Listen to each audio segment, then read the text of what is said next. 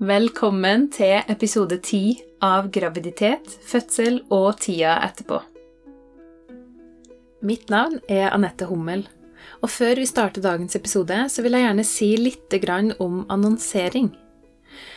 Podkasten har nemlig fått sin første sponsor, Liten og trygg. Og midt i episoden i dag så vil du høre et lite avbrekk der jeg snakker litt om Liten og Trygg og deres produkter, og et skikkelig bra tilbud som du som podkastlytter får. Eh, og jeg vil bare forsikre deg om at når jeg snakker om et produkt midt i podkasten på den måten, så snakker jeg fra mitt eget hjerte. Eh, jeg snakker med mine egne ord. Det er ikke annonsøren som har bestemt hva jeg skal si, det er jeg sjøl. Jeg vil også forsikre deg om at når jeg annonserer for et produkt, så er det fordi jeg 100% kan stå bak det det produktet står for, eller den bedriften står for. Og sånn er det med Liten og Trygg. Jeg syns det arbeidet som de gjør, er superviktig. Og jeg håper at du føler at det er du som får en verdi av denne annonseringa, og det tror jeg du vil føle i det tilfellet her. Da er vi klare for å hoppe inn i ukas intervju.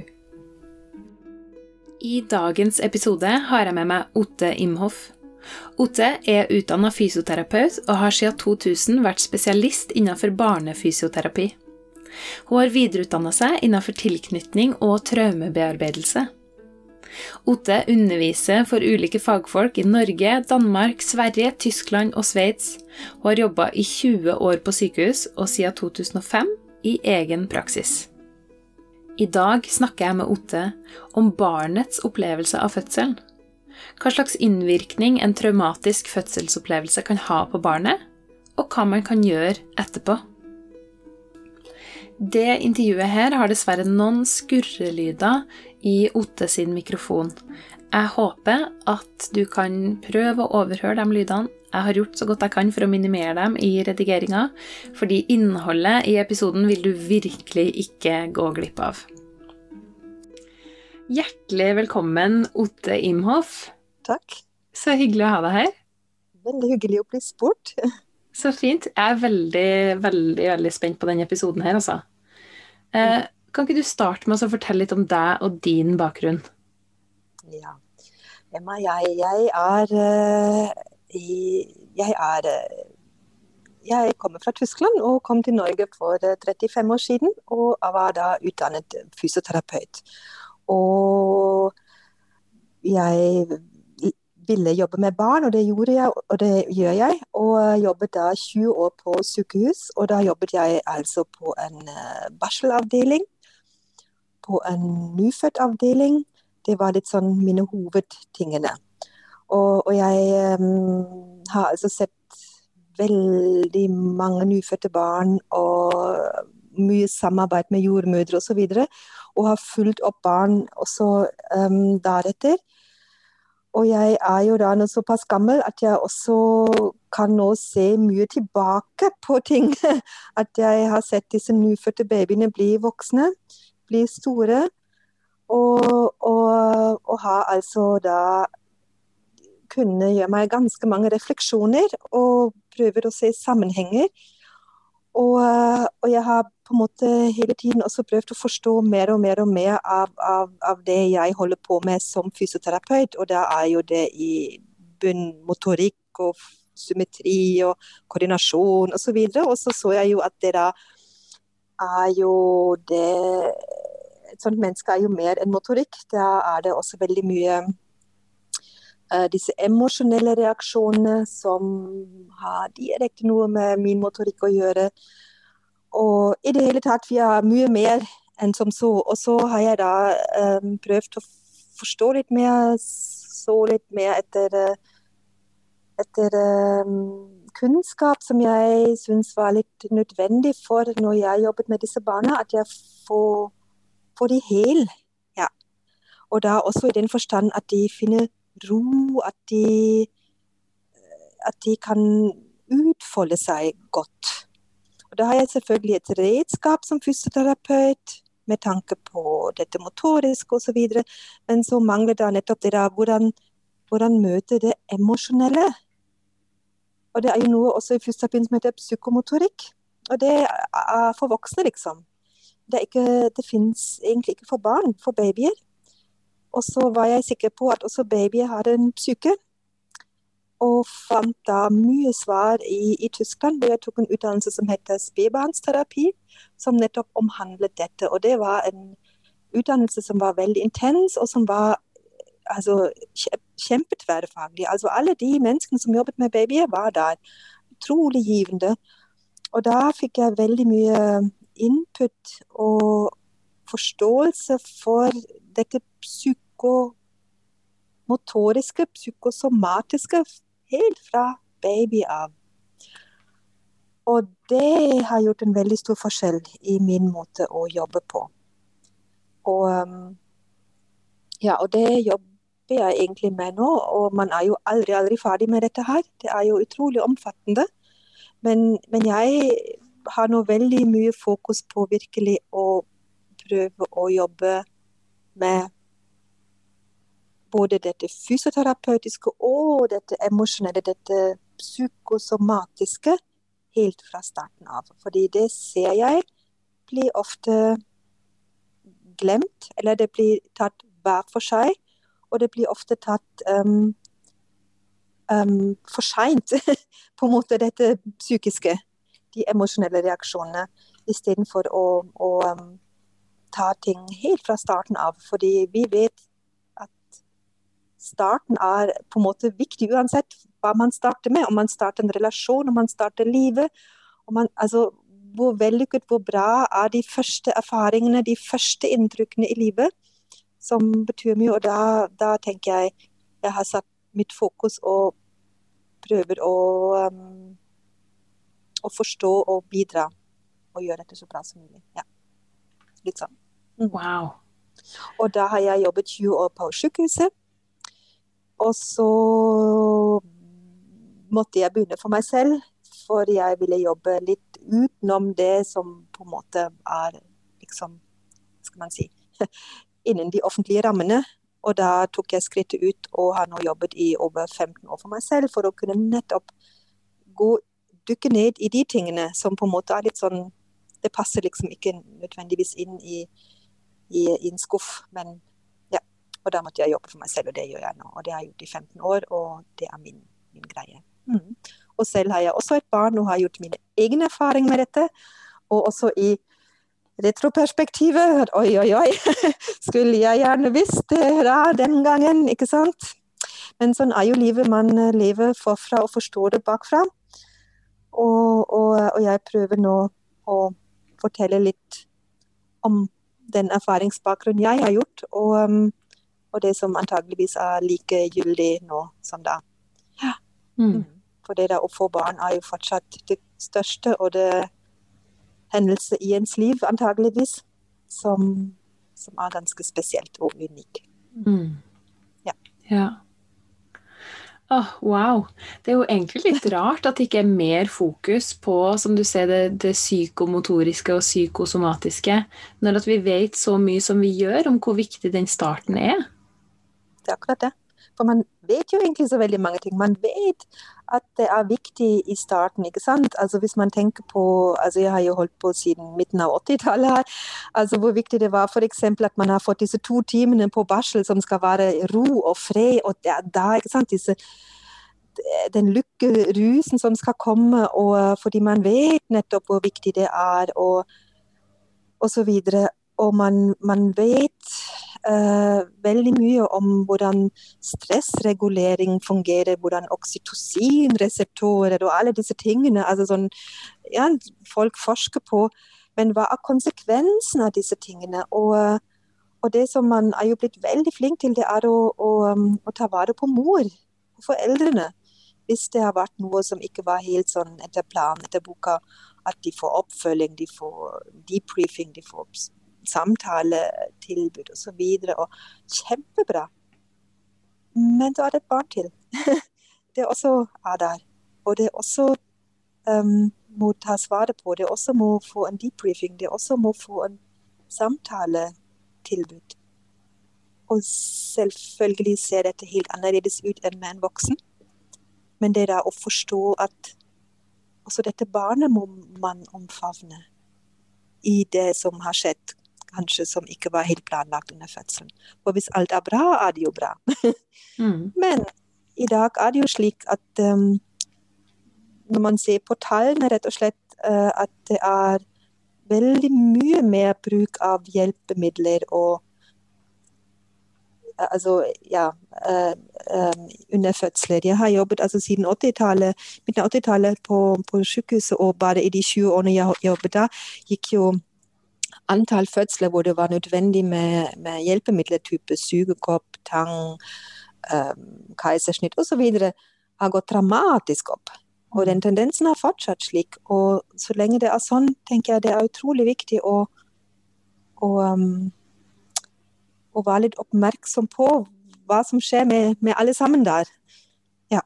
Og at man ikke har den ideen at en baby de får da ikke med seg så mange så mye. De er jo så små, de er så umoden. Den tankegangen hadde man jo frem til 90-tallet, at man ikke trodde de opplevde smerte fordi de var så umoden og har gjort mange ting da som ikke skulle som radikal radikalt bli forandret når man innså hoppla, en baby har også smerteopplevelse, uh, bare de reagerer annerledes. Men man, ja, at man da har gjort um, f.eks. gi uh, narkose eller bedøvelse for ting som er faktisk smertefulle. Det har man ikke gjort før, for man visste ikke. Ja? Man var helt sikker på at barn, babyer ikke, ikke har smerte. Og, og, nå må vi også virkelig ta inn over oss at som baby har en emosjonal opplevelse av sin fødsel. Og hvis vi tør å gå inn i dette, så blir egentlig veldig mange ting plutselig annerledes, og plutselig litt mer Oi, er det sånn? Ja forstår at en baby reagerer. Og det, disse reaksjonene blir ofte ikke sett, de blir misforstått, de blir tolket helt annerledes. Og, um, og, da tenker jeg det er enormt viktig at vi tør å tenke litt mer på hva, hva, hva, er barnets behov, hva er barnets um, Hva vil de egentlig fortelle oss? Ja, for det er jo barn baby er jo avhengig av at vi tolker deres reaksjoner. De, de, de sier det, ja. Ofte er det jo at de skriker og skriker og skriker. Så. Og det kan være så mangt, og vi må ha et stort repertoar og forstå dette her. Og, og da må man finnes det indikatorer, um, uh, indikasjoner som vi kan se etter å møte barnet på en annen måte enn litt sånn de gjengse tingene. Ja, alle barn gråter, det er kolikk og så videre. Mm. Så da ja. ja. ikke sant. Ja. Og vi skal jo snakke, Det er jo det vi hovedsakelig skal snakke om i dag. Det er jo barnets opplevelse av fødsel. Ja. Uh, og nå er det jo ikke, så vidt, så vidt, jeg vet, så er det ikke så mange som husker sin egen fødsel. Nei. Men hvor mye, hvor mye bevissthet har barnet rundt sin egen fødsel? Hvor mye får det egentlig med seg? Det er et godt spørsmål. Det er vel ingen som kan svare på. For antageligvis har de veldig lite bevissthet om dette her. Um, men det er kanskje ikke så viktig, fordi det er ikke bevisstheten det handler om. Det er den fysiske reaksjonen som det handler om. Når en Altså, ikke sant. Altså, det man når, altså En fødsel er jo i seg selv en stress. Så, og når det er en stressituasjon, så kan vi også måle dette i hormonene vi, vi produserer. Type um, um, uh, kortisol, f.eks. Et stresshormon. Så når vi er stressa, så kan vi ta en prøve og så si oi, dette går opp. Ja? Og det har man jo også gjort med, med babyer. Vi ser jo at stresslevel går opp. Og det er en komplett normal ting, fordi stress, disse stresshormonene gjør jo også at vi får power, vi får action i oss, ikke sant, osv. Um, og sånn sett reagerer vi jo også hormonelt. Hvis vi har mye stress, eller hvis vi har supervelvære, vi har det bare kjempegodt, ikke sant, så produserer vi f.eks. oksytocin. Og det kan vi jo også måle. Det, det vet vi hva, hva, som må til for å produsere oksytocin. Og det kan vi måle, fordi vi, kroppen vår reagerer øyeblikkelig også på, på et hormonlevel. Og da kan man måle dette her, og det gjør også en baby. Ja, de får opp uh, adrenalin, de får opp uh, stresshormoner, og de får produsert likedan oksytocin. Ja, og dette kan vi måle. Og da vet vi at også en baby selvfølgelig reagerer ja, på dette her. Og selvfølgelig finnes det masse mangfoldige hormoner, jeg skal ikke gå inn på dette, dette er jo en hel vitenskap. Men vi reagerer med hvordan vi har det, hvordan vi føler, opplever ting, produserer vi deretter også hormoner. Ja? Mm. Altså vi kan være 100% sikre på at eh, om baby også uh, produserer uh, både kortisol, og de, de, produserer også oksytocin, de produserer adrenalin. Altså alle, og alle disse andre tusen hormoner, de gjør det, altså. Mm. Og selv om de ikke husker dette, så har kroppen en minne om dette her. Ja? Det, det, det lagres i hver celle. Altså De forskerne som jobber med disse tingene her, de forteller oss at dette lagres. Ja, dette lagres. Og det de også forteller oss, er at um, de første inntrykkene i ens liv, ja, de setter en ekstra, kall det en ekstra standard i, i vår hormonproduksjonssystem. Okay. Altså, dette er veldig innviklede ting, ja. Men, men altså for å prøve å si det enkelt, altså hvordan du f.eks. produserer oksytocin. Da må du ha først sånne oksytocinreseptorer som aktiveres, og det skjer faktisk under en fødsel. Boff! Ja? Og derfor har man da de som har født, for å si det sånn vanlig, uten hjelpemidler, uten noen ting, de har opplevd sikkert en sånn gigantisk lykkeboble. Ja? ja. Altså hvis man tenker seg da, og da bare er det et fyrverkeri av oksytocin. Og dette fyrverkeriet av oksytocin det er ganske enestående. Det produseres ikke sånn litt sånn i hverdagen. Mm. Da skjer noe helt spesielt. ja. Og det er for barnet også viktig. Det er da boff, ja. Da starter man disse oksytocinreseptorene, altså hvor gode de er til å ta imot, starte dette her. Det samme finnes på stressreguleringsmekanismen, og forferdelige ord men hvordan vi takler stress. Det er reseptorer i oss. Ja? Og hvordan takler vi stress? Det er én ting. Altså, det betyr nettopp hva skjer etter fødselen, altså etter det stresset er over, på en måte. Hvordan kommer vi ned? Ja, mm. vanligvis ved at en baby kommer opp på mammas bryst.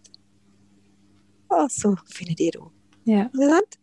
I den ideelle verden er det slik Både er kroppskontakt, er nærhet, det er det blikket som møtes. En nyfødt baby ser, ja, de, man ser på hverandre hvis de er våken og klar. Wow, sånn, ja. Og da senker stresset seg. Altså disse mekanismene da. Ja, hvordan skjer dette, er ganske viktig for vårt stressreguleringssystem resten av livet, faktisk. Tenk det. Ja. Og, og, det vet man. altså og det, hvis det er sant, det de forteller oss som forsker på dette her, da, da, må vi jo ta det på høyeste alvor. Hvordan dette preger våre liv. Selvfølgelig husker vi ingenting av det, men hvordan vi reagerer på å bli trøstet. Hvordan vi reagerer på når vi er i høy stress. Hvordan kjennes det når vi er i en, hengivende, en hengivelse? Ja? Mm og kult blir det, på en måte. Ja. Dette er ting som vi erfarer i en enorm uh, i, i, i, det, i, det, veldig vide spekteret det er. Altså helt fra ende til annen. ja. Og det er de første inntrykkene, og derfor er det så viktig, faktisk. Derfor må vi vite hvordan vi trøster barn. Derfor må vi vite at boah, når, når, den fødselen den har vært vet ikke jeg, uendelige timer, og den måtte brukes som sugekopp, Apla her har det skjedd noe som har mm. økt stress. Her må vi forvente at det barnet trenger mer hjelp å finne roen sin. For det stresset var, blir potensiert plutselig. Ja, så, så, du sier at hvis at um, du sier at det er en ganske stor forskjell altså på uh, hvis det er en fysiologisk fødsel og en fødsel som har hatt behov for hjelpemidler. Helt riktig. Og mm. det må man ta på alvor. Ja. når man har en fødsel som ikke er såkalt normal. Og da er det jo viktig hva er normal fødsel. Ja, det er faktisk normal uten hjelpemidler, uten epidural, uten noe som helst. Altså rett og slett uten at man har eh, brukt noe som helst av, eh, av, av, av medikamenter eller utstyr. Det er normal fødsel. En, uf, en såkalt fysiologisk eller en unormal fødsel, ufysiologisk, da har man da har mamma fått smertestillende, f.eks. Ja? Mm. Um, da er det blitt brukt sugekopp, da er det ja, planlagt keisersnitt, keisersnitt over hodet. Mm. Altså alle det der, der, hvor man har på en måte, eller hvor man har påført ekstra oksytocin, ja, hvor man har satt på trypp, eller det ene og det andre. Alle disse tingene forstyrrer egentlig dette Kall det normale, dette intuitivt normale. Mm. Og det vet man også, at når man gir kunstig oksytocin, så blir egenproduksjonen av oksytocin påvirket.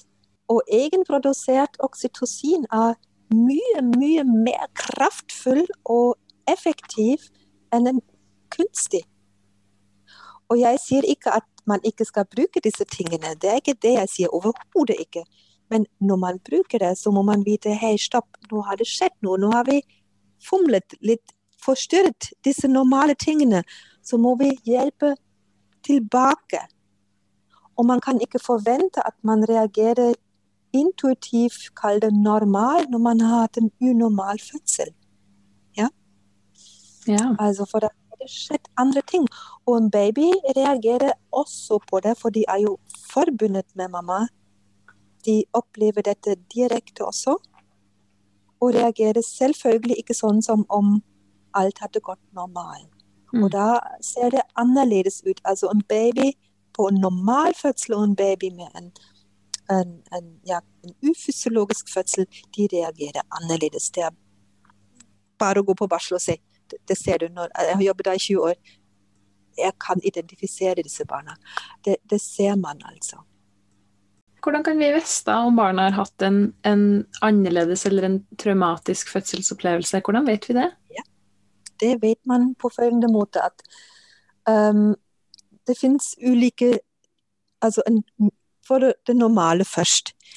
Uh, at en baby som er født normal, uh, når de, de, de, gråter, de gir beskjed når de er sulten, eller når de uh, ja, et eller annet, Det er et eller annet de trenger kontakt. De gråter, du tar de opp inntil deg, mage mot mage. Det gjør mødrene i hele verden på den måten. Og barnet finner ro i det at de blir tatt opp mage mot mage, altså i den ammeposisjonen, og finne ro i mammas kroppskontakt. De hører mammas stemme, mammas hånd, mammas kropp, og så finner de roen. Og, og klarer å koble seg til mammas ro, og så blir de hengivne i armkroken. En baby som har dette forhøyet stress, stresshormoner i kroppen, de lar seg ikke trøste så fort. De, for det første tar det veldig lang tid før de finner roen. De, de, de, du tar de opp, og de gråter på en måte enda mer. Altså, um, er, uh, de, er veldig ofte i en sånn modus hvor de går inn i en sånn, uh, en sånn bakoverbevegelse. Altså, de skyter rygg. De går bakover og dytter mamma nesten vekk. Altså, de er virkelig bitte små. De dytter mamma vekk, går bakover, og alt, hele ungen går bakover, og de produserer ofte en gigantisk kraft. Og, og klarer ikke å smyge seg inn til mamma. De går i bru bakover vekk. Og det er jo, når man tenker seg om, et enormt paradoks. For når man gråter, man er lei seg, altså man må fordøye noe. Man har, at man går vekk fra sin mamma. Og det er jo ikke en reaksjon som en nyfødt baby planlegger, eller har en plan om, eller en idé om, eller en bevissthet om. Det har ikke babyer. Men det er en stressreaksjon. Fordi de klarer ikke å koble seg til dette tilbudet oksytocin, for å si det sånn. Dette tilbudet kroppskontakt, beskyttelse, ro. Mm. Men de blir de, de skriker enda høyere, og de byr seg vekk. Og det er av og til en reaksjon som kommer omtrent allerede på fødestuen. Noen barn er, er sånn, hvis dette har vært riktig voldsomt. Eller under barseloppholdet. Eller når de kommer hjem, at de da, når de på en måte av og til er en baby også litt sånn i en sånn tvaletilstand etter en fødsel, at de så blir helt sånn Oi, oi. Går litt sånn, sånn, og så plutselig våkner de. Og det er en prosess som, som kan skje innen noen dager, eller av og til uh, rundt fire, fem, seks uker. Plutselig, når du da holder ungen din inntil, plutselig reagerer de med en enorm av, Altså, de avviser deg på en måte. De, de, de skyver deg vekk med en gigantisk kraft. Og det kan Og da begynner det å bli når, når, min lille baby dytter meg vekk, når jeg vil trøste og ta det inn til meg, så er det jo et ganske forferdelig signal å få Mm. som mamma. Ja? Um, og da er det viktig at man forstår hva er dette. Fordi mange vil si å, du vil heller se noe som er der ute. Ah, du vil heller bli båret sånn. Eller du vil heller bli båret slik. Eller så har man plutselig veldig mange ulike måter å over skulderen i, i dette kolikkgrepet, eller rygg mot mage, eller ja, man gjør alt mulig forskjellig. Men den ammeposisjonen, på en måte, altså dette mage mot mage, som er jo den posisjonen hvor man har perfekt blikkontakt, uh, hvor man er inntil, hvor man er beskyttet, det funker ikke. Og det er egentlig ganske viktig da at man da ikke tenker å, du er så nysgjerrig, å, du vil, du vil, du vil, du vil. En baby vil antageligvis, vil jeg anta, hvis de kunne snakke, ville sagt å, jeg vil så gjerne finne ro hos deg, men jeg klarer ikke. Jeg er så stressa, jeg klarer ikke. Det blir for mye for meg, jeg er i panikk. ikke sant? De går i sånn panikkmodus. Ja. Og hvorfor i alle dager skal en baby få panikk? For hva? De har jo ikke opplevd det. Altså, de har opplevd det under fødselen. Ja? Ja. Hvis man da tenker kanskje tilbake til barn som reagerer sånn, de har vanligvis opplevd en vanskelig fødsel. Og det er virkelig ut fra barnets perspektiv. Ikke det at jordmor har sagt ah, alt er fint, det ikke så bra, så. Um, jeg tror hvis man Det er alltid det spørsmålet jeg stiller foreldrene også. Hva tror du lille lille Filippa ville sagt nå? Hva ville de fortalt om fødselen sin? Mm. Da blir det ofte stille et øyeblikk. Ofte kommer det tårer. For det er nesten ikke å holde ut. Ja. Ikke sant? Og det tror jeg vi må Vi må, vi må ta inn over oss. Her er det to som har født. Altså, sant? Og det babyet har jo opplevd det det har opplevd. Og vi må spørre oss hvordan kjennes det da, uten at jeg forstår hva som skjer. Som mamma kan jeg forstå det blir tatt en, gjort en keisersnitt, eller ja. Mm. Jeg, jeg blir snakket til du, nå må vi gjøre sånn. Man, man har en forstand med seg. Men også da er det veldig ofte at veldig mange mødre egentlig ikke er så veldig i hodet, men de også Nei, det føltes jo som noen forteller at jeg trodde jeg skulle dø. jeg trodde jeg, sant? Plutselig har man sånne øyeblikk hvor, hvor liksom man mister komplett kontroll. og man, man, man, For det er jo det en fødsel er. Du, du, du kan forberede deg i lange baner, og så blir det annerledes kanskje. Og så kan man ikke Og så blir man plutselig må man stole på at de menneskene rundt passer på en, fordi plutselig har man ikke kontroll.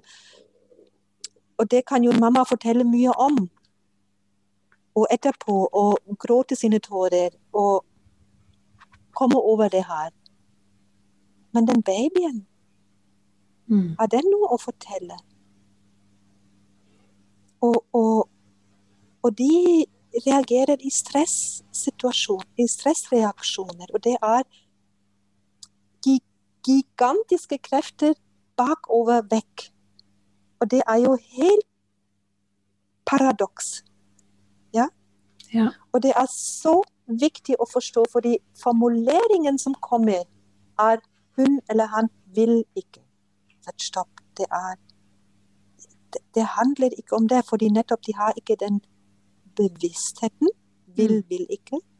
De har ikke erfaring. De, har ja, de er komplett avhengig av hvordan vi voksne tolker de. Når en baby gjør noe paradoks, så er det ikke fordi de har bestemt seg for og de vil ikke. De kan ikke. De er i stressmodus. Mm. Og det er noe komplett annet. Ja? Ja. Og det er så viktig at man forstår den forskjellen. En baby er ikke intellektuell. Den, er ikke, den kan ikke bruke em, rasjonelle tanker. Mm. De har ikke det. De reagerer prompt i her og nå. Ja. Jeg tror det er veldig viktig.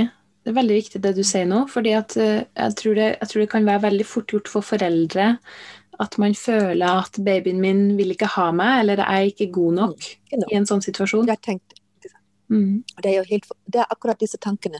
Mange sånne tanker kan komme opp, og det er jo forferdelig. Mm. Det gjør så vondt. Ja.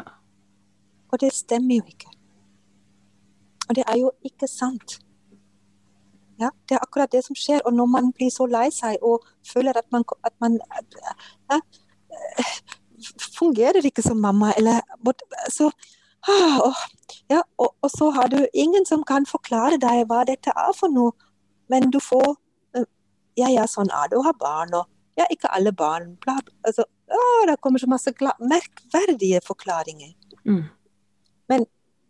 i det øyeblikket du tør å sette deg inn i barnets sted, så forstår du kanskje hvilken nød barnet befinner seg i, og at du, mamma, kan forstå dette, for du var med. Mm. Du, mamma, er nå her, for nå er du mamma. Og du må beskytte, og du, og du, du, du har den kraften, den kjærligheten til akkurat dette barnet å forstå, og, og, og dette inderlige ønsket å få den inderligheten som bare er mellom mor og barn, eller far og barn, Mm. og som ikke er mellom naboen og barn. Men den, den, dette, dette unike båndet, ikke sant? Mm. Men det er så skjør når man føler seg avvist, når man blir dyttet vekk. Da er det viktig vi må forstå hei, stopp, stopp, stopp, stopp, stopp. Hva har skjedd her? Hva i alle dager gjør at barnet mitt forholder seg så paradoks? For det er jo et paradoks. Fordi barnet gjør ikke dette villestøt, og det glemmer vi. Mm. Det glemmer vi. Ja? Vi glemmer at det er en baby som som bare viser jeg er i gigastress fortsatt. Mm. Jeg, jeg har ikke landa ennå. Jeg, jeg Ja. Mm. Uh, og der er det mange ting. altså En ting er jo dette fødselsopplevelse, hvis man tør å sette seg inn i både altså, ja, liv og død, øyeblikk og blå, masse greier. Og samtidig må man også huske på, da kommer fysioterapeuten inn her, når det har skjedd så masse voldsomme krefter under den fødselen av og til, er det selvfølgelig kan det oppstå en kink i nakken. Mm. Ja? Altså det må man jo bare se på. De, altså at det, selvfølgelig kan det oppstå en skink i nakken. Og når man har en skink i nakken, hvor kult er det da å smyge seg inn til mammaen sin? Ja. Så begynner den ballen Ja, da har man en potensering av dette Vekk! Stopp! Mm. Ja, som ikke har noe som helst å gjøre med 'jeg vil ikke', Nei. men en fortvilelse. 'Jeg kan ikke'. Kan noen hjelpe meg? Og rett og slett fysisk smerte.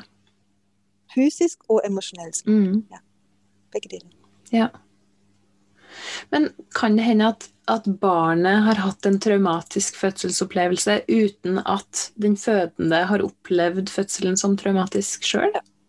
Absolutt. Dette er veldig individuelt. Ja. Mm. Det kommer jo veldig an på altså, hvordan en mamma opplever det, med hvilken angst, med hvilken erfaring, med hvilken tillit. med hvilken, altså, Absolutt. Altså, det, det, der, det er veldig forskjellig. Absolutt. Mm. Men, men om man har et barn som er urolig, som, er, som ikke sover, som ikke spiser, som er rastløs, så må vi spørre oss om så hei, hva, hva, hvordan har du opplevd dette? Ja. ja. Det er forskjellig. Og hvis man da har eh, en tanke om at, uh, om at, barnet har hatt en traumatisk fødselsopplevelse, eh, hva kan man gjøre da? Ja, da må man altså for det første forstå det. forstå det at de reaksjoner, dette rastløse Det å ikke finne ro i den gode armkroken, men at, at, um, at barnet trenger Um, når de er urolige, det er jo det som er den vanlige um, utfordringen. At de gråter mye, finner ikke ro, sover ikke osv. At de trenger oss og mammas forståelse og mammas ro. Å finne sin egen ro. Ja, altså. Det betyr når mitt barn er urolig, vifte med arm og bein og gå i bru, løsningen er å møte barnet med ro og hold. Altså å bli holdt.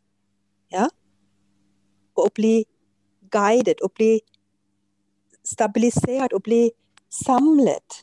Nå er alt dette barnet er i kaos, på en måte. Eller uh, sånn at løsningen er ikke å lage mer bevegelse i alle retninger i, hoppe på en ball, uh, kjøre bil, uh, sette på en støvsuger eller you name it.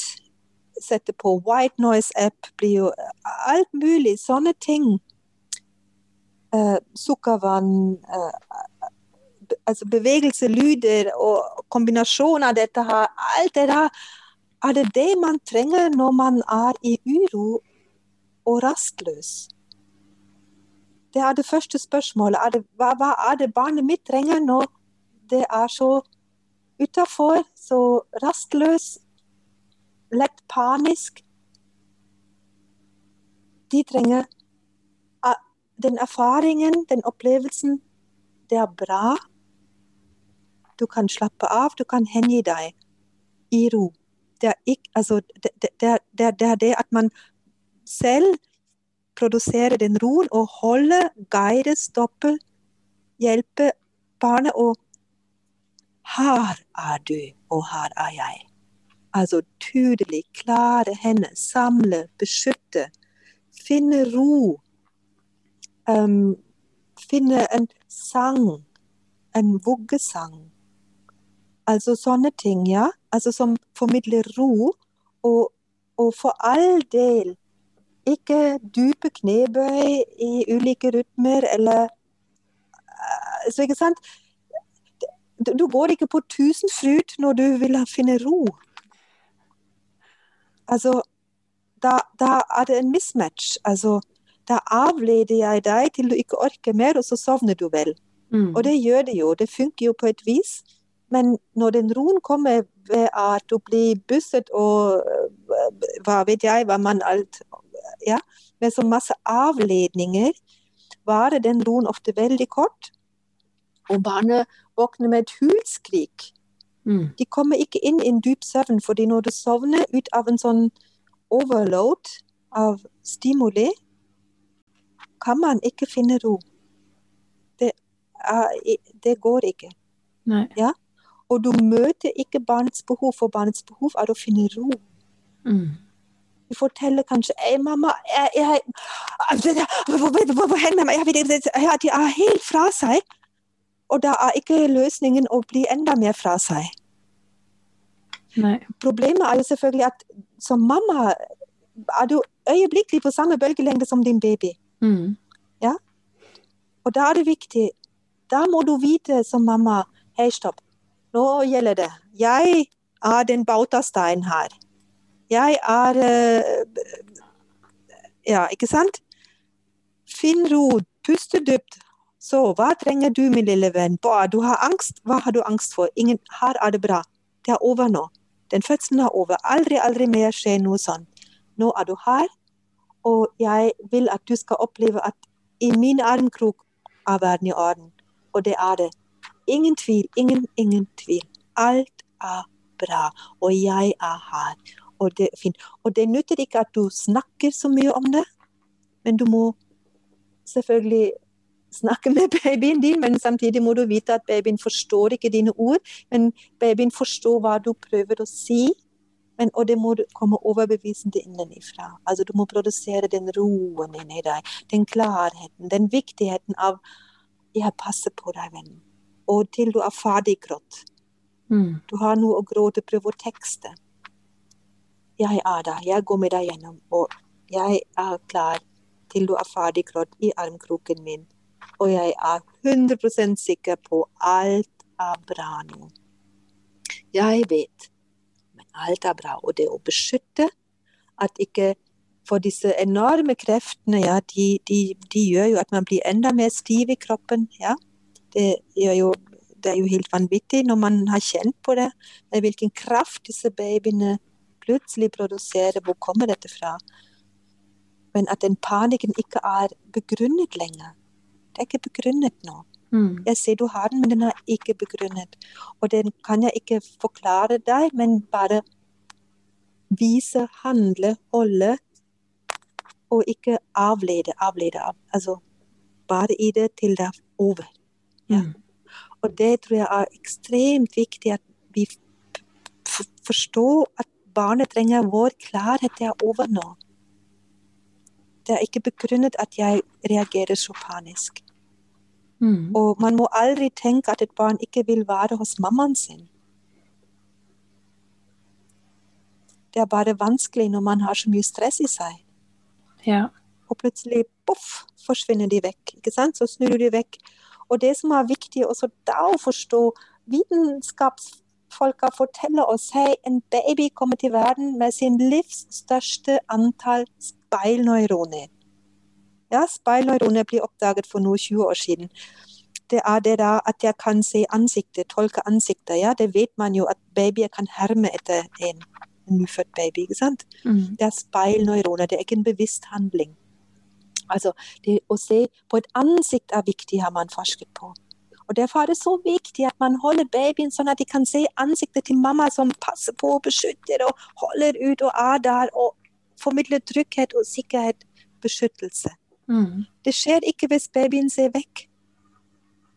Ja? Det er da å få med mulighet å hente seg en sikkerhet i mammas ansikt. Ja. Så viktig.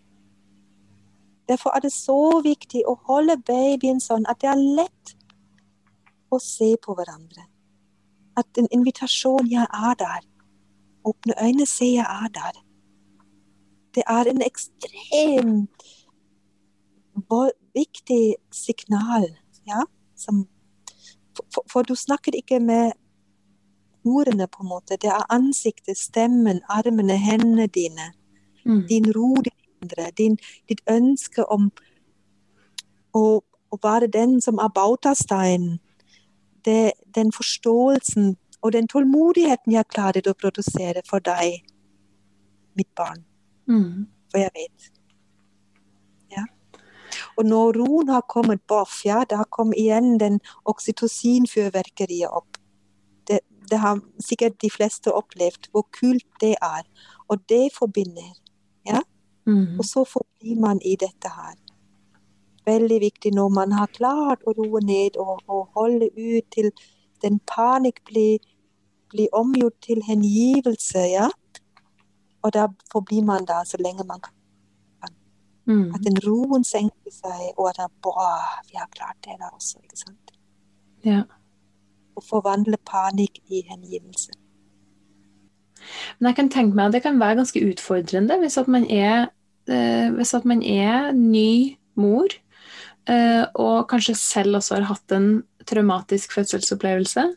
Ja. Eh, og klar å være i den situasjonen med ro. For det kan også være å trigge ganske mye stress i en ny mor at en baby hyler og skriker og stritter fra, og, og da Det krever litt trening.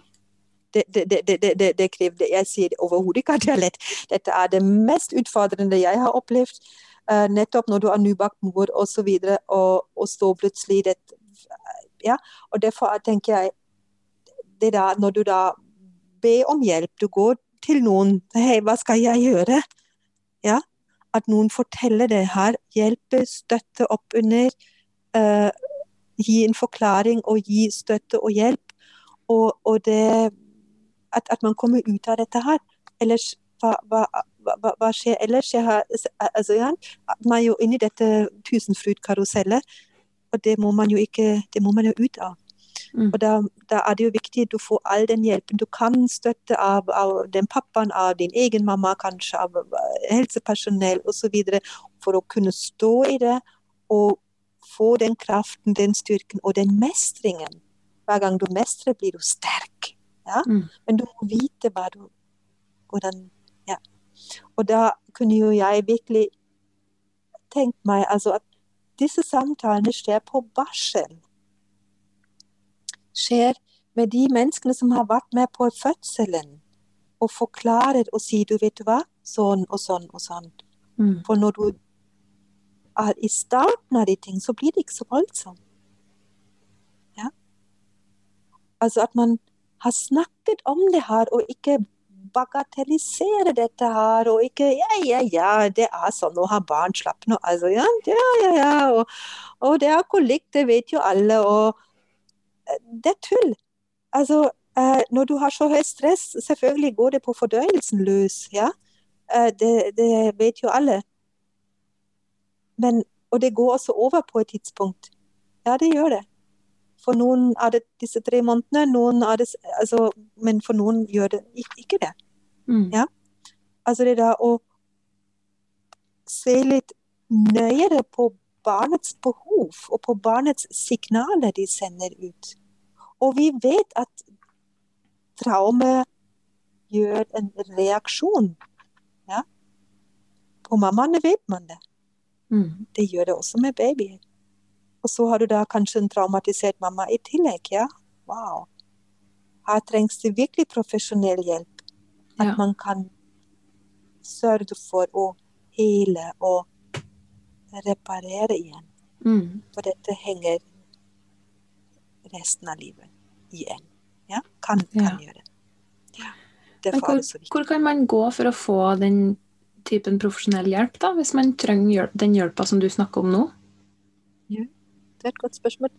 Det, det, det er jo det som er litt sånn kjipt. Altså, jeg um, ja, du, ja, altså, jeg jobber sånn, men, men altså, man må på en måte finne de menneskene som har den type innsikt. Mm. At man ikke lar seg feie av med ja, det er kolleksjoner, det må du bare holde ut og gå inn i, inn i kolikkrepet, så blir det bra. Mm. Eller kjøre bil i lange baner, eller at man må ikke høre på det der. Man må finne Det fins jo noen som har litt annerledes um, annerledes uh, tilnærming. Ja.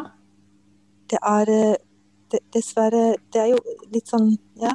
Det, ja, ja, nei, ikke sant. Altså, det er kanskje det. Altså, jeg, jeg ser dessverre at det er veldig få som har litt oversikt over de tingene der.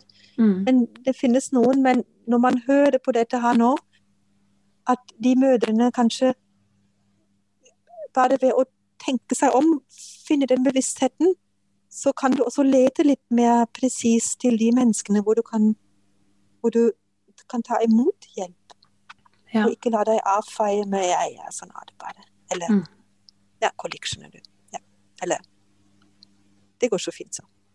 Eller Ja. whatever. Ja. Altså, det der um, Jeg holder kurs i disse tingene også, men det er absolutt altså det, det er for meg veldig, veldig underkommunisert og um, dette temaet. Mm.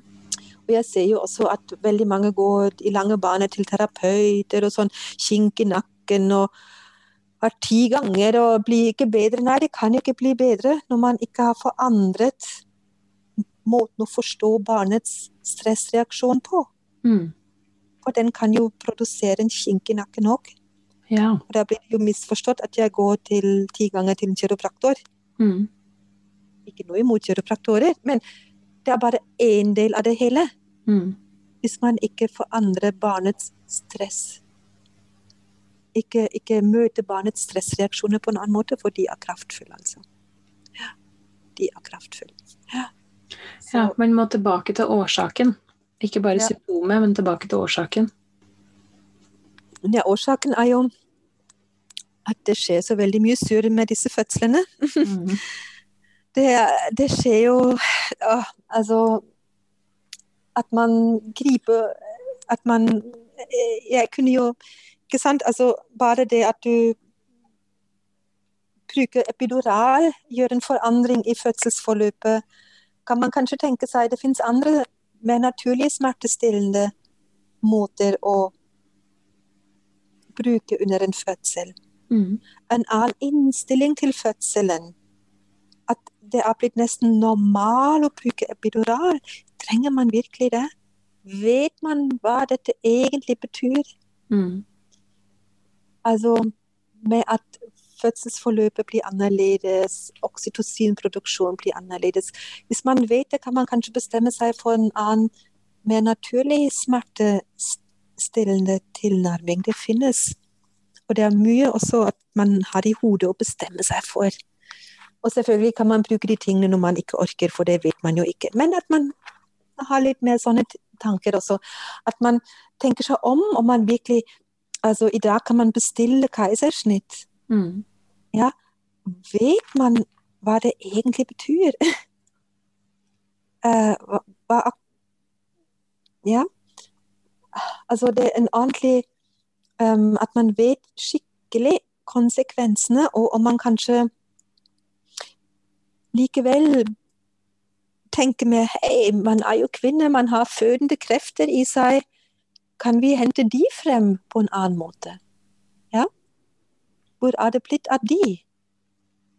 Og da tenker jeg f.eks. en doula gjør utrolig mye bra. Det har eh, Altså da, den, den forberedelsen av å finne de fødende krefter som gjør en sterk, og som man vet ja, at det blir naturlig fødsel. Ja, kanskje. absolutt. Altså sånne ting. Det å um,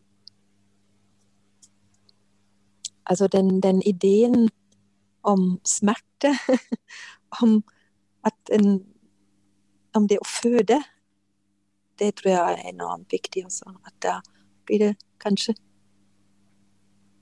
mindre komplikasjoner. Mm. Og om så er at det blir annerledes, at man da med en gang reparerer. Mm.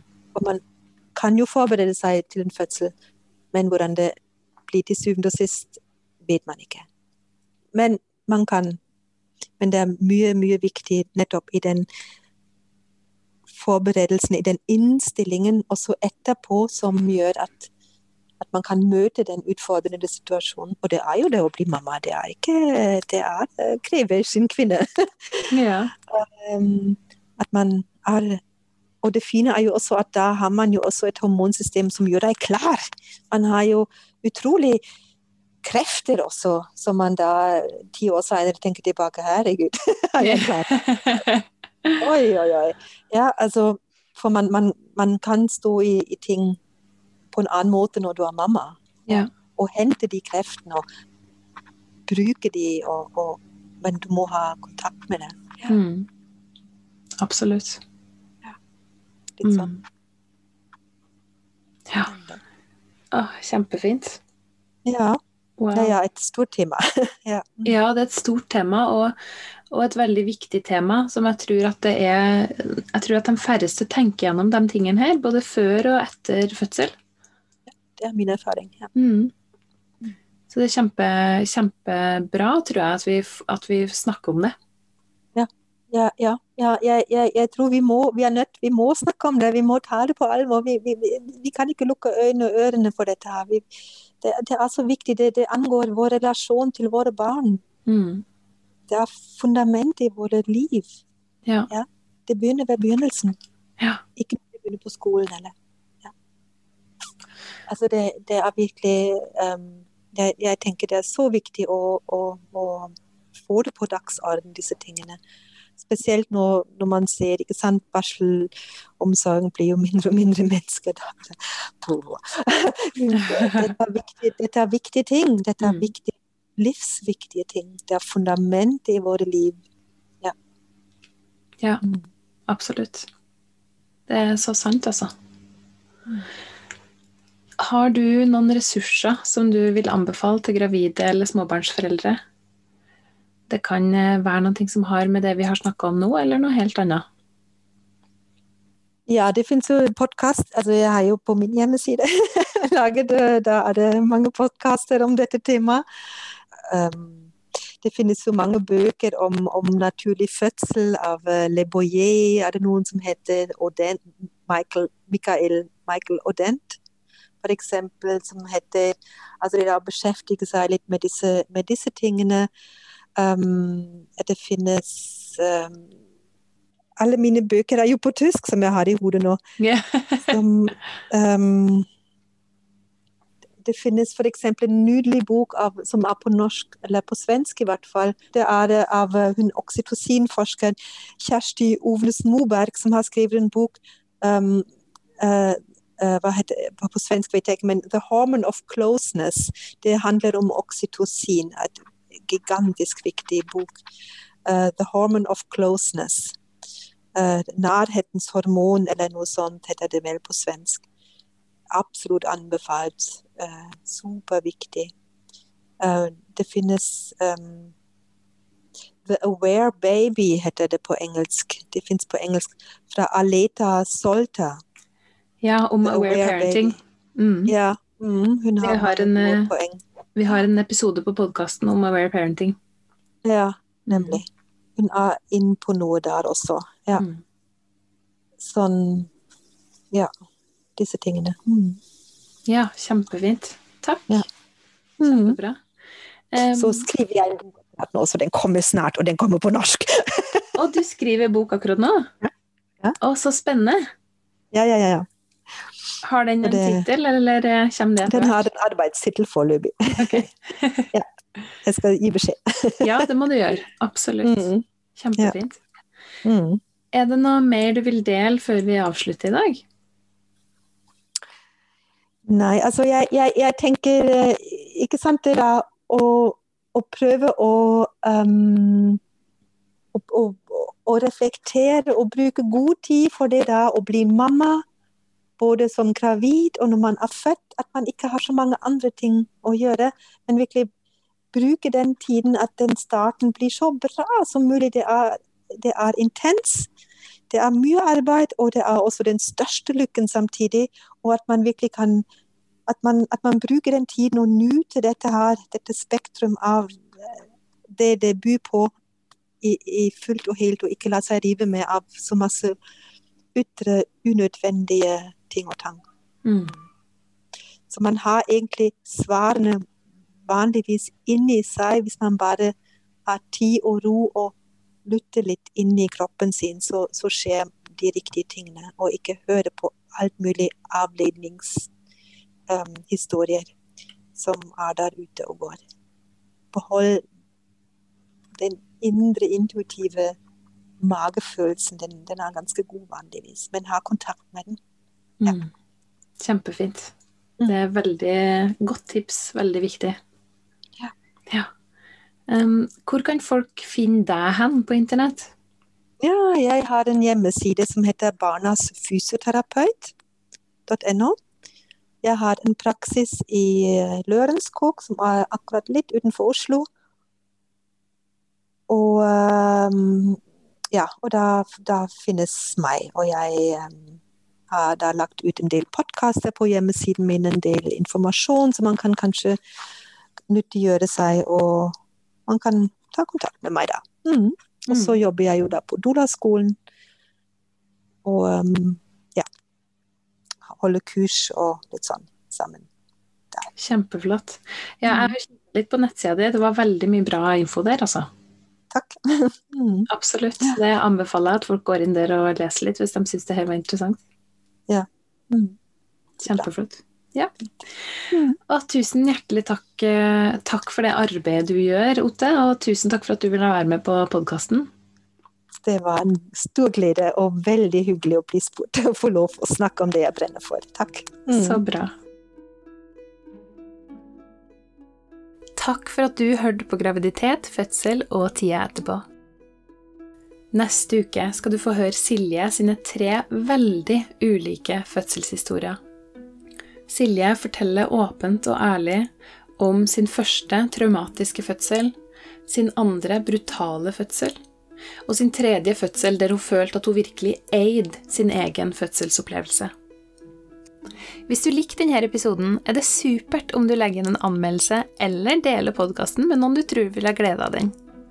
Ikke glem å abonnere, så får du beskjed når det kommer nye episoder. I tilfelle det var noen tvil, så vil jeg også nevne at jeg ikke er verken lege eller jordmor. Temaene som tas opp på denne podkasten, er kun ment som generell informasjon, ikke som råd eller oppfordring til handling. Hvis du har spørsmål eller bekymringer når det gjelder din egen eller ungene dine sin helse, så vil jeg på det sterkeste anbefale at du snakker med legen eller jordmora di.